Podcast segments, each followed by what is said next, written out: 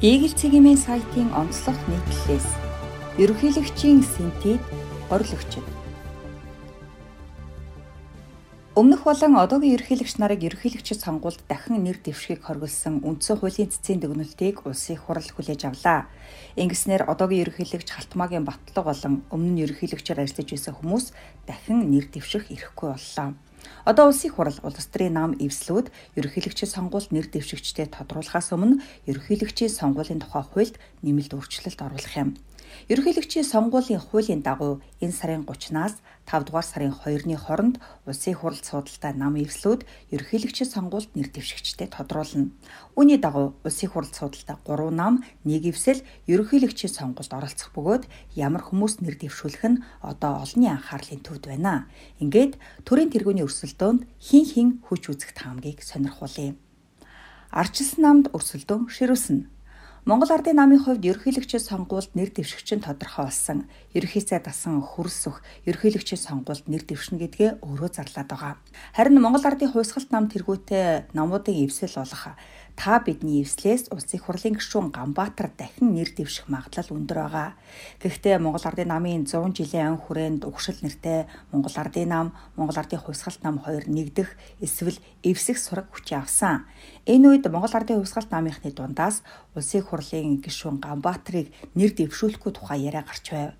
Тэгвэл ерөнхийлөгчид нэр дэвшигчдийг тодруулахад 10 хүрэхгүй хоног үлдээд авахад хоёр намын нэгдэл эвслийн алхам урагшилсангүй. Бүрч намжин боллоо.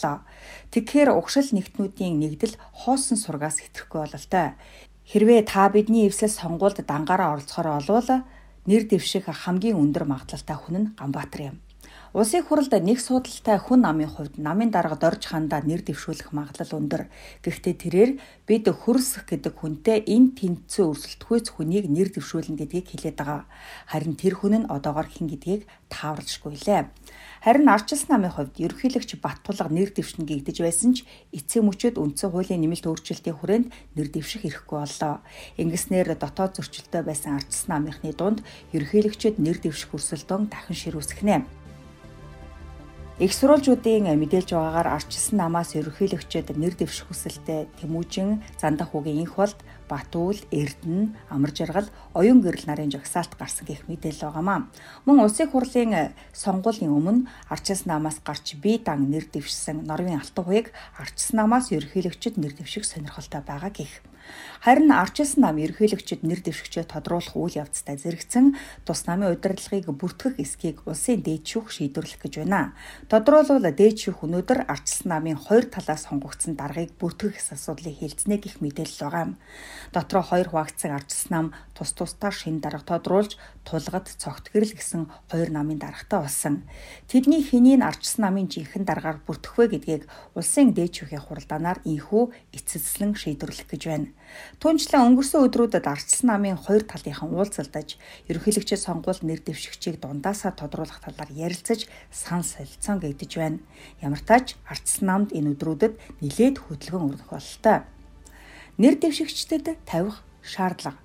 Ерөнхийлөгчийн сонгуульд нэр дэвшигчийн 50 нас хүрсэн сүүлийн 5-аас доошгүй жил эх орондоо байн горшин суусан Монгол улсын угуул иргэн байх ёстой. Мөн банк болон бусад хуулийн этгээд иргэнд шүүхэн шийдвэрээр тогтоогдсон төлбөл зохих зээл, барьцаа болон батлан даалтын үр төлбөргүй байх шаардлагатай. Татрын хугацаа хэтэрсэн үр төлбөргүй байх аль нэг компани 51 ба түүнээс дээш хувийн хувьцаа эзэмшдэг бол тухайн компани нь албан татврын хугацаа хэтэрсэн үргүй байхаас гадна сэтгцийн эмгэггүй байх шаардлагыг нэр дэвшигчдэд тавих юм.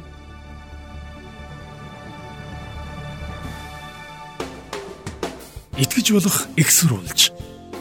Игэл радио 91.1